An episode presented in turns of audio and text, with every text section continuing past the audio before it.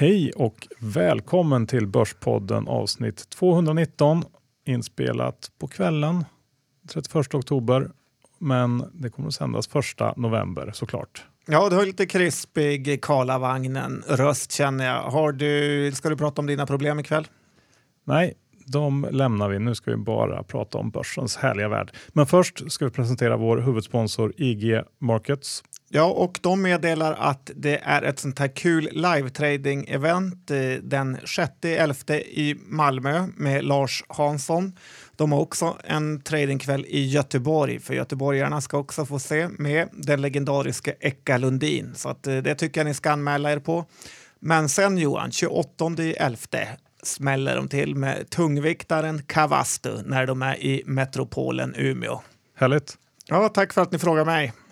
Ja, ja, men... ja men eh, så att jag tycker man ska gå in på eh, IGS eh, hemsida och anmäla sig till något av de här eventen om man är där. Det är väldigt kul, att träffa likasinnande och eh, höra de här uh, tradingkillarna snacka. Ja, och vi skickar såklart med länkar till det här också i vårt eh, lyssnarbrev. John, nu eh, ska jag presentera en helt ny sponsor till Börspodden, vilket känns väldigt kul. Det är Sigma Stocks. Det har du hört talas om va? Ja, självklart. Jag har eh, testat dem också. Härligt. Det här är ju ett intelligent verktyg för aktieanalys och förvaltning.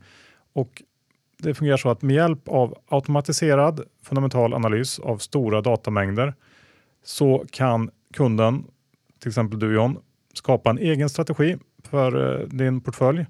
Eller så eh, kan du välja den här förinställda strategin som forskare i Sigma Stocks team redan har tagit fram och eh, då har man då visat på god historisk avkastning och, och bra riskspridning och så vidare. Och varje gång man ska investera så räknar verktyget fram vilka aktier som vid investeringstillfället är bäst att köpa enligt just din strategi. Och man kan välja att månadsspara eller kvartalsspara eller sätta in en stor klumpsumma. Man gör som man vill. Ja, det här är extremt mycket roligare än att hålla på med fonder. Så att, eh, det här kan man verkligen rekommendera. Och bakgrunden till det här det är att grundarna av Sigma Stocks ville hjälpa folk att bli mer självständiga i sitt sparande. Eh, hjälpa dem att slippa höga förvaltningsavgifter men ändå ja, kunna få en, en förvaltning som, eh, som inte är helt indexlik utan, eh, och samtidigt göra det till riktigt låga kostnader. Så att det är ett väldigt spännande verktyg det här som jag tycker att ni absolut ska testa. Ja, sigmastocks.com. Bra John, vad ska vi prata om idag? Ja, vi ska prata om Ola Rolén-rättegången som har dragit igång. Sen är det en väldig massa rapporter som har kommit och eh, det tänkte vi guida er igenom vad som är bra och dåligt. Ja, ungefär så. Bra sammanfattning. Innan vi kör igång så är vi också sponsrade av Trine som nyligen har passerat en milstolpe. De har fått in över 3000 investerare som har investerat via deras plattform. Mm, jag är en av dem. Ja, det är du.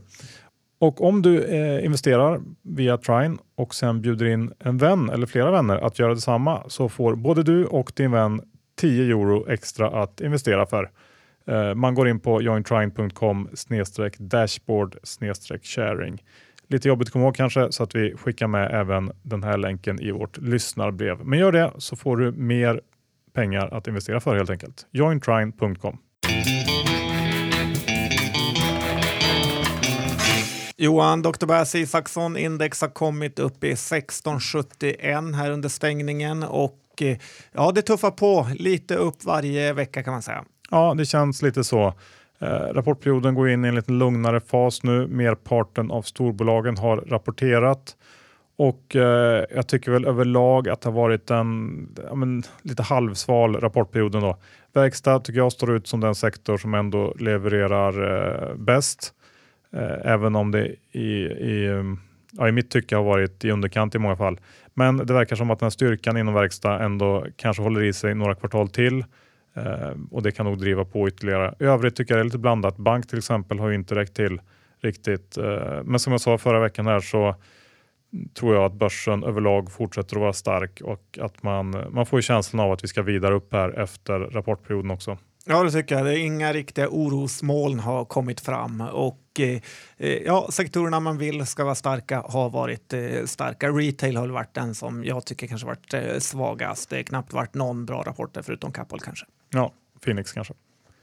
Bra sagt. Ja, Eh, men, men eh, vi lämnar det och jag har en lite mer generell observation som jag har tänkt på här på sistone. Mm, berätta. Ja, det är ju att ja, insiderbrott, eller, eller, eller i alla fall de som är minst, misstänkta för insiderbrott, har ju ökat explosionsartat under eh, det senaste året kanske.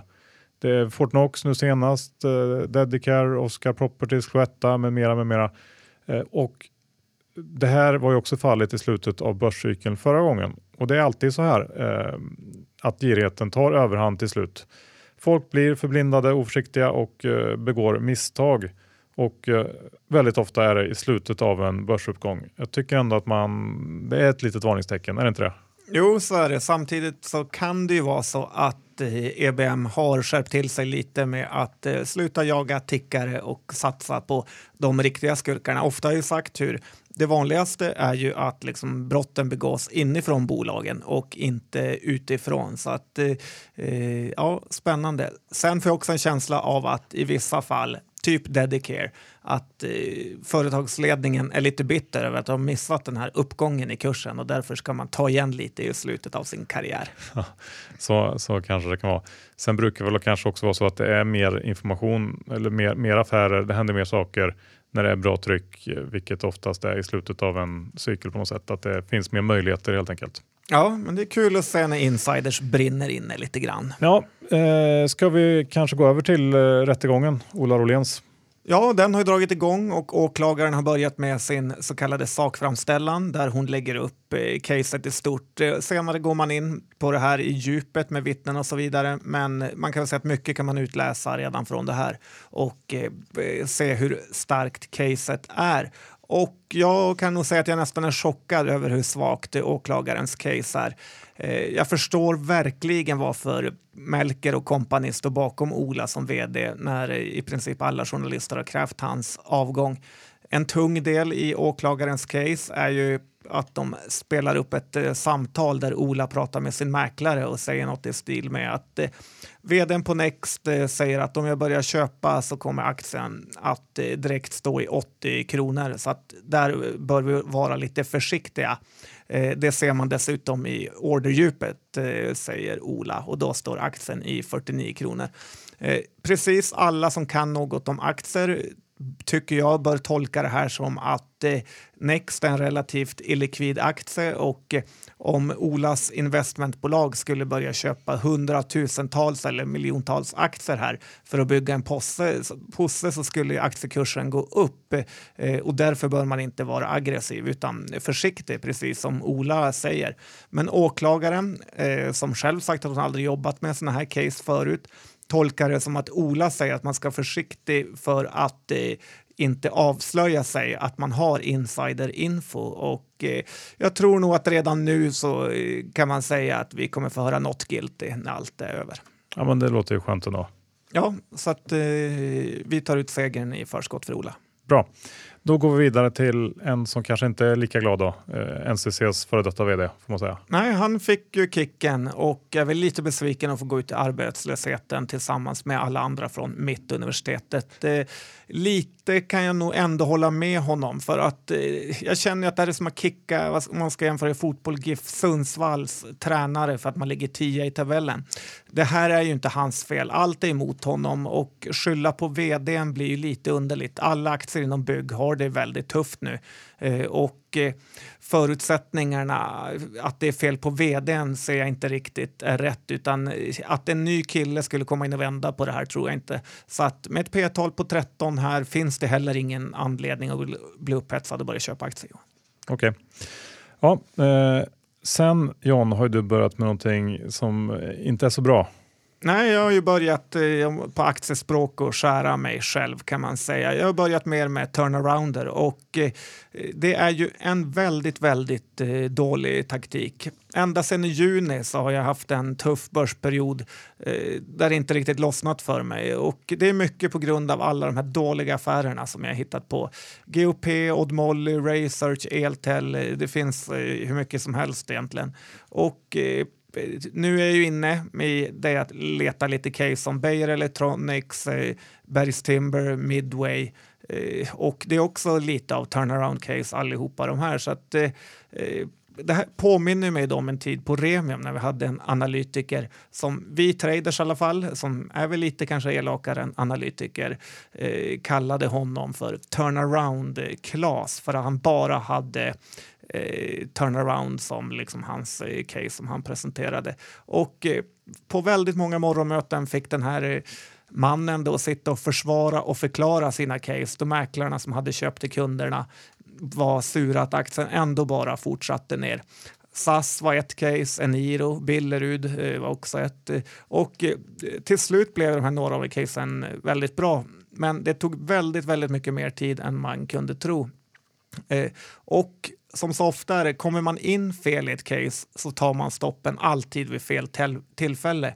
Så därför är det ju mycket, mycket bättre, och det säger ju alla experter, att man ska köpa bolag som går bra och rapporterar bra. Till exempel Knowit, Nolato, Unibet, Evolution. De har ju levererat rapportstreak och det har bara varit att köpa på. Så får man dels en mycket mindre stressfull eh, närvaro men också en mer vinnande taktik. Johan. Men lite tråkigare. Ja, väldigt mycket tråkigare.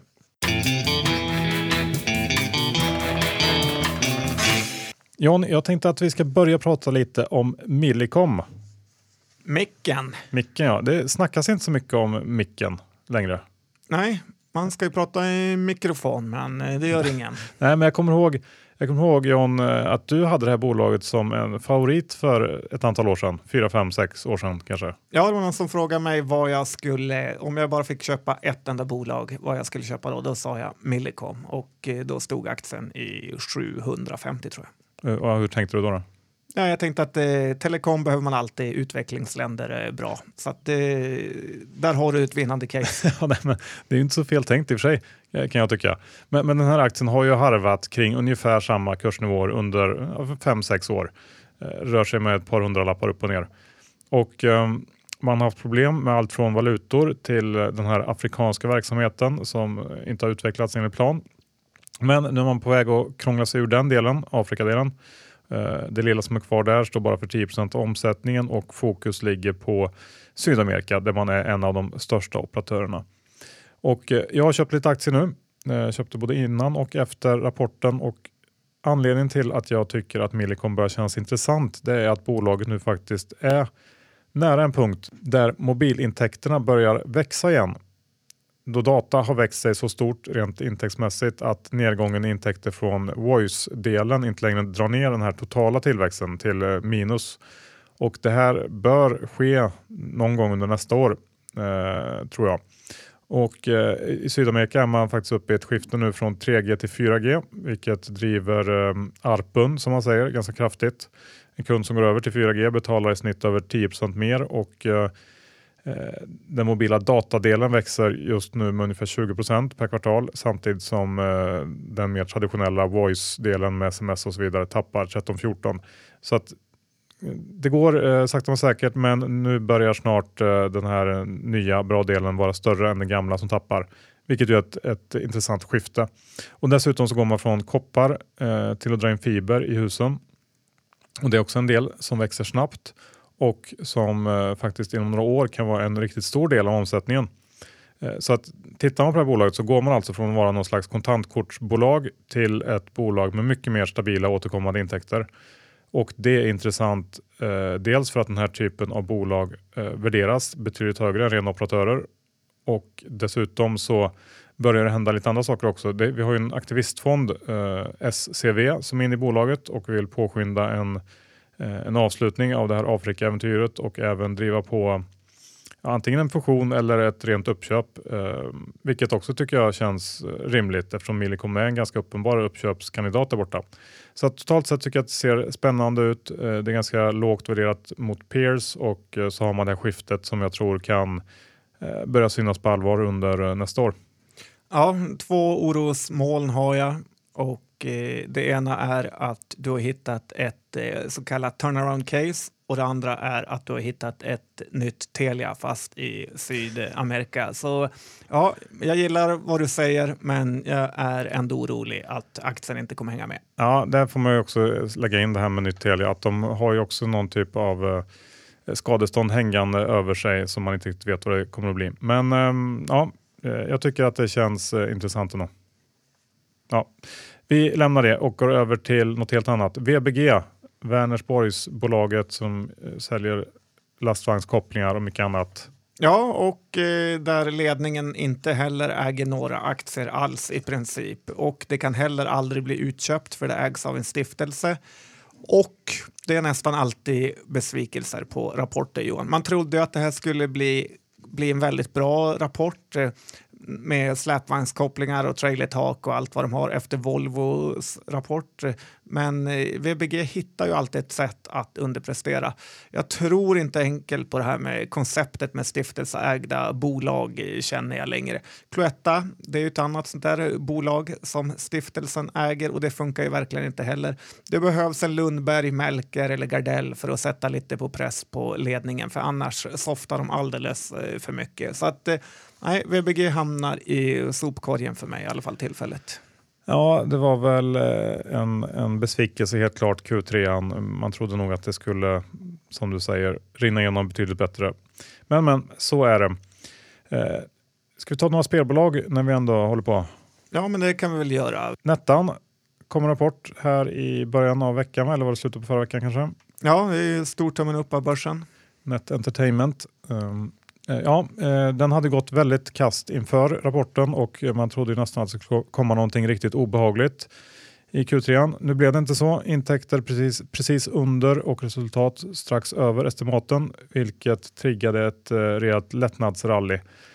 Men trots det så verkar marknaden ändå tveka lite kring Nettans tillväxtutsikter och ehm, givet värderingen så måste man nog eh, komma igång med lite bättre tillväxt, vilket jag ändå tror är klart görbart. Man har en bra pipe med många kasinon som ska driftsättas, men eh, frågan är väl här också om konkurrensen börjar bli eh, lite för hård. Svårt läge tycker jag i Nettan nu. Eh, jag lutar ändå åt att det kan vara intressant att titta på det nu. Vad är P-talet? Det är väl lägre än på väldigt länge om man säger så. Men det är väl på eh, låga P23 kanske 4, 22 för nästa år. Så det är lägre än vad det har varit på länge. Men en, krävs ju ändå en viss tillväxt för att motivera det. Helt klart. Mm. Sen tänkte jag också ta upp Kindred, eh, vår favorit, i alla fall en av våra favoriter bland operatörerna i bettingvärlden. Kom ju med en väldigt fin Q3. Ebit eh, drygt 20% bättre än konsensus och Eh, det var väl egentligen alla delar som levererade, men framför allt eh, det som bidrog till den här eh, biten var en oväntat stark sportboksmarginal. Eh, och nu blickar man ju fram mot VM nästa sommar som kommer bli det största någonsin inom betting. Och ehm, jag gissar att den här sektorn kommer vara helt okej okay att ligga i fram tills dess. Eh, men efter det, eh, som absolut senast, så tror jag ändå att, att marknaden kommer att blicka fram mot regleringen av Sverige och eh, även Holland. Och hur man än vänder och vrider på det här så kommer det att leda till ett vinsttapp 2019.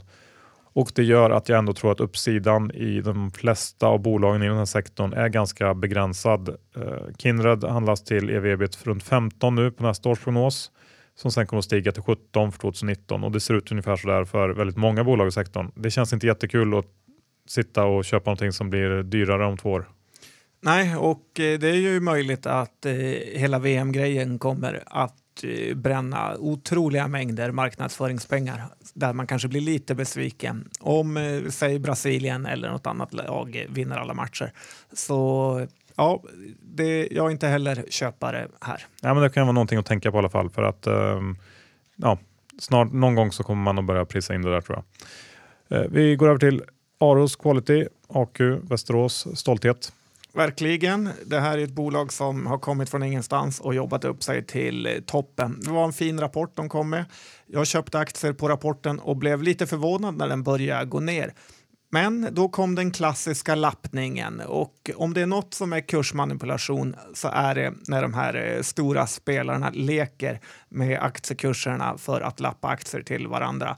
AQ handlades kring 230, sen från ingenstans gick den ner till 218 eh, och det här var ju väldigt underligt och rapporten var väldigt eh, fin. Ofta så vet ju några personer vilket pris den här lappningen ska göras på och därför brukar den gå ner ungefär dit för att sen lyfta när lappningen är gjord.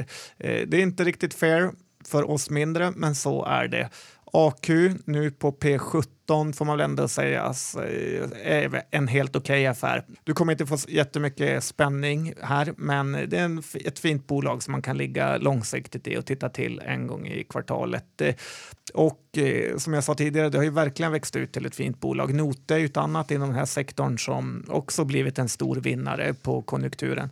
Och Johan, det får ju mig att tänka lite på Partnertech, din gamla favorit där du var storägare under din eh, storhetsperiod. Eh, det hade också varit en toppinvestering om det hade funnits kvar. Kanske, kanske inte. Jag vet inte riktigt. Jag eh, ja, jag har fått lite, lite tveksamheter till den typen av bolag efter det. Men, men ehm, det var nog mer fel på Partnertech än branschen kanske. Eh, bra John, vi går över till Telia som jag kanske skulle ha sagt någonting om i, i anslutning till Millicom. Men de fortsätter idag sin renodlingsresa genom att helt och hållet lämna Megafon, ryssbolaget. Ja, skönt tycker ja, vi. Ja. Eh, de sålde hela innehavet. Det var 19 procent av Megafon. Fick 8,6 miljarder och nu har man eh, Turkcell och lite andra Eurasia-verksamheter kvar att göra sig av med innan man blir en renodlad nordisk operatör. Eh, skuldsättningen kommer ner en bit som ett resultat av den här affären. Nu nere på drygt en gånger ebita och eh, det spekuleras väl en hel del i nu att Telia kommer att göra någon typ av förvärv i Norden eh, och det känns väl rimligt. Och hur, hur som helst så tror jag att värderingen kommer att krypa upp i takt med att man fortsätter den här resan. Så att, eh, ja, kanske lossnar äntligen för Telia. Mm, de köper hallon för 12 miljarder dollar. Eh, ska vi ta Fenix då som är väl eh, det stora utropstecknet kanske i retail den här rapportperioden? Ja, det var ju en fin rapport. De fick ju även en Dagens Industrirek i måndag som fick aktien att lyfta ytterligare. Eh, siffrorna ser ju bra ut med ett p-tal på 17-18, men det är ändå något jag inte riktigt gillar här. Eh, det har ju gått väldigt bra för Fjällräven och, och de är ju mycket beroende av sina butiker. Retail är ju också något som man inte heller riktigt eh, gillar.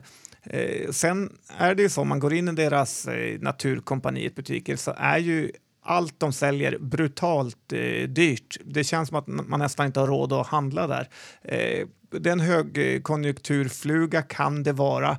För vem köper ett par fjällbyxor för två papp när man ska i en lågkonjunktur när man ska liksom ut och gå i tre dagar. För då tror jag faktiskt att mjukisbyxorna kanske åker fram om det skulle varit 2008. Eh, å andra sidan verkar ju den här galna outdoor-högkonjaken bara fortsätta med husbilar för miljoner i Thor som de heter, fina kylskåp från Dometic och eh, ja, svindyra byxor eller ryggsäckar från Phoenix. Så att, eh, det går nog att rida på den här vågen lite till. Eh, sen tycker jag alltid att de här butikerna som du pratar så gott om är för stora och oftast verkar vara tomma. Men det är klart, är de så dyra så kanske det räcker att sälja ett par brallor om dagen. Ja, det är imponerande i alla fall det de har gjort, eh, måste man säga. Vi går över till någonting som jag gillar eh, att eh, fundera kring, demografi. Ett sånt här tema som jag tycker är ganska intressant att väga in i bedömningen, i, i, eh, eller i alla fall som en delbedömning i ett investeringsbeslut. Och då tänker jag att antingen på det sätt som det påverkar utvecklingen i de mer utvecklade länderna i väst, där färre i arbetsför ålder måste försörja en växande andel äldre Eh, Eh, men man kan också vända på det och leta intressanta möjligheter där förutsättningar är motsatta. Indien är ju till exempel ett typiskt sådant land.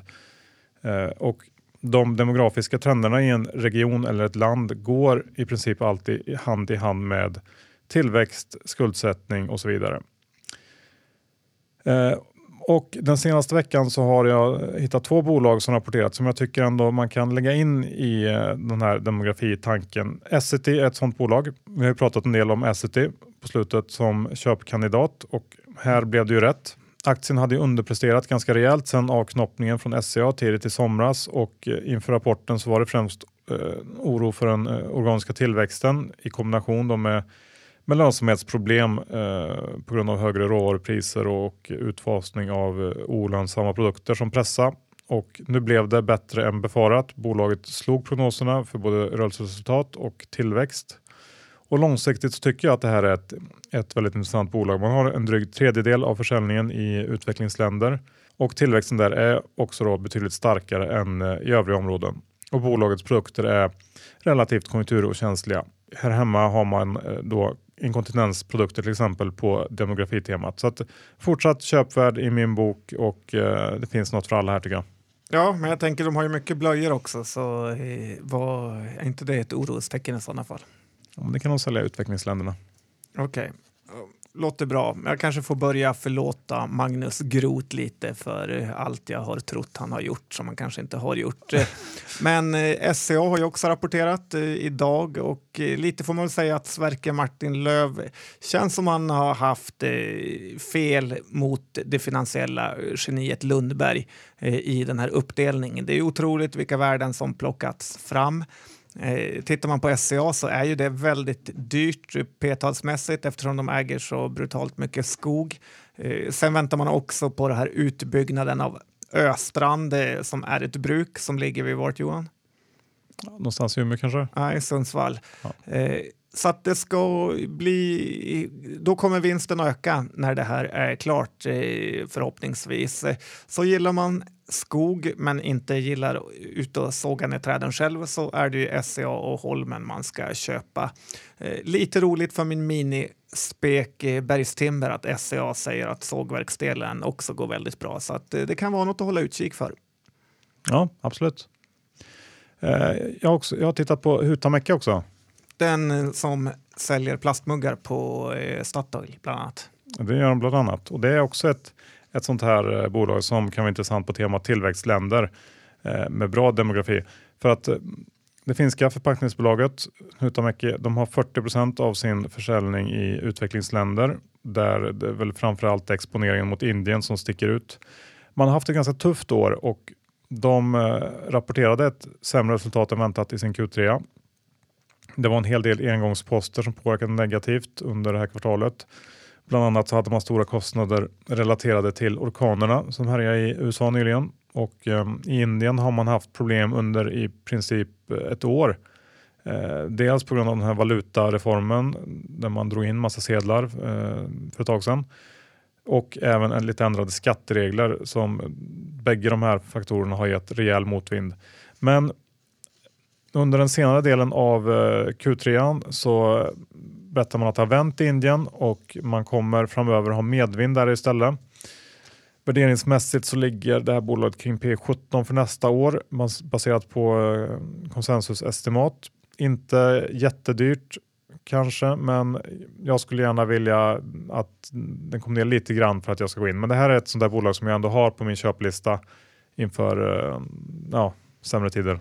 Ja, det är ett fint bolag. Synd att när alla börjar köra elbilar så kommer ingen behöva stanna på macken längre och köpa kaffemuggarna, Johan. du tänker så? Så tänker jag.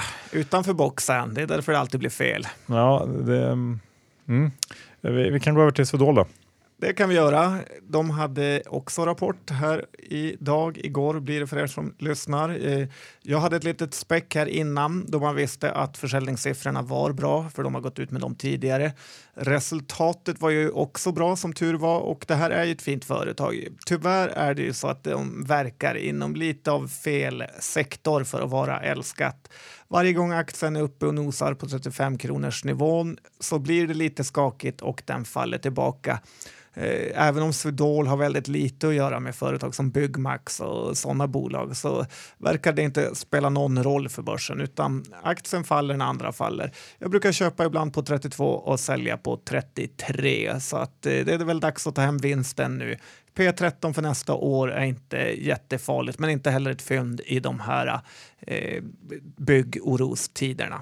Nej, och på tal om, om eh, byggoro, Garo får bli dagens, eh, vad var det vi sa på något sätt? Den De, också? Ja, den kom ju in eh, inte alls eh, bra helt enkelt. Omsättningen fortsatte ju att drivas på ordentligt av den här starka byggmarknaden i Sverige. Upp 24 procent men rörelseresultatet minskade mot förra året och eh, det här då beror enligt eh, ledningen på att man har haft ökade kostnader för att kunna möta den här eh, stora efterfrågan. Tittar man på rullande 12 så gör Garo 97,5 miljoner ebit och har ett börsvärde på ja, 2,2 miljarder var det i början av dagen. Jag vet inte riktigt hur det slutar, men eh, någonstans där omkring och det här är fortfarande en underleverantör till bygg. Eh, en sektor som alltså börjar svaja betänkligt. Men eh, det första man ser när man går in på Garos IR-sidor som jag var inne på idag är ju en bild av en Tesla som laddas via en laddstolpe från Garo. Och jag antar att en väldigt stor del av håsen bygger på deras laddsegment eh, och hela den här elbils eh, ja, håsen helt enkelt, hysterin. Men det är faktiskt bara 12% av omsättningen i år och eh, det kan säkert bli mer på sikt men de närmsta åren så är det byggmarknaden som bestämmer hur det går för Garo och givet de signaler vi har fått den sista tiden så känns det helt eh, galet att betala ev-ebit över 20 för det här bolaget. Eh, jag tror faktiskt att det finns ganska goda möjligheter till en halvering i den här aktien under de närmsta ja, 12-18 månaderna kanske. Hur mycket föll den idag? Ja, den var ju nere 9% till att börja med, men jag tror att den jobbar sig upp under dagen, så jag är lite osäker på hur den stängde. Men eh, runt 200 lappen, vilket ju känns eh, riktigt, riktigt dyrt. Ja, men ytterligare ett exempel på hur viktigt det är med storytelling kring aktier för uppvärderingen. Och eh, sen får jag ju säga att jag har ingen respekt för bolag som ökar sin försäljning men minskar vinsten. Då har man tänkt helt fel. Ja, det är väl inte det det går ut på riktigt. Eh, vi går över till Semcon. Ja, och eh, säger vi som tidigare att VBG kan göra en besviken så är det ingenting emot eh, Semcon. Det här är ju sådana genuina sopor på det här företaget att man inte tror att det är sant faktiskt. Det här är konsulter mot fordon i Göteborg och eh, det ska inte ens gå att misslyckas även om man vill, men ändå misslyckas de eh, brutalt eh, hårt faktiskt. Det börjar kännas lite som det här är konsulternas Studsvik faktiskt. Trots att de lyckas sälja sin Tysklandsdel så blir de andra delarna sämre efteråt. Och jag sa ju tidigare att det är mycket bättre att köpa bra bolag Eh, och inom den här sektorn är väl det Sweco och ÅF, hålla sig borta för sådana här turnarounder som eh, Semcon. Enda anledningen till att köpa det nu som jag ser det är ju att man tror att den egoistiska familjen Ericsson lowballar resultatet här för att kunna köpa ut bolaget eh, ungefär som de gjorde med Cybercom. Men man ska aldrig betta på utköp om man inte heter Ocean så därför eh, sålde jag mina aktier direkt efter rapporten. Ja, det var nog lika bra. Ska vi avsluta med en gammal hederlig kökstillverkare. Ja, det här är en aktie som vi alla har följt länge som kollapsade under finanskrisen och nu har blomstrat under en period. Nobia som äger HTH och eh, Marbodal levererade en usel rapport kan man säga. Vem kunde tro att eh, bygga kök i UK inte skulle gå så bra Johan? Nej, jag vet inte. Nej, tydligen en del. Det roliga var att en robot gick lite bananas och eh, tyckte den här rapporten var bra. Många traders eh, kunde sko sig och sånt gillar vi ju. Det är ju verkligen en fest när traders kan trycka dit robotar och det mänskliga psyket vinner. Eh, däremot var det ju ett, eh, tycker jag väl ändå att det kan vara ett lite intressant case efter nedgången. Den har tappat rätt mycket. P-talet är kring 10-11 det här med en hyfsat bra, eller ganska bra faktiskt, balansräkning. Eh, så under 70-lappen, tror man inte att det ska braka ihop helt så kan det här vara intressant. Slut på avsnitt 219. Vi tackar IG Markets Ja, gå in och titta på hemsidan om det är något event eh, nära dig. Det är ju fantastiskt kul att gå på de här. Träffa likasinnande, få se galen live-trading eller bara höra en trader snacka om livet. Ja, och missa absolut inte Sigma Stocks. Gå in på sigmastocks.com och kika in vad de gör. Det är alltså ett intelligent verktyg för aktieanalys och förvaltning och det kostar 19 kronor per månad om man vill ha standardinställningarna för det här och vill man ha tillgång till alla funktioner på tjänsten då får man betala 99 kronor per månad. Men det är ju ett billigt pris eh, för att kunna förbättra sin förvaltning och ta portföljen till nya höjder. Ja, det är oändligt mycket roligare än att sitta och titta på en indexfond att eh, kunna följa aktierna. Så gör det. Ja, och leta fram egna strategier eller välja Sigma Stocks egna framforskade beprövade strategi. Gör som du vill. Och avslutningsvis John, Trine jointrine.com. Gå in där, kolla om du hittar någon hållbar investering som passar dig. Eh, gör gott och tjäna pengar samtidigt. Det kan inte bli så mycket bättre än så.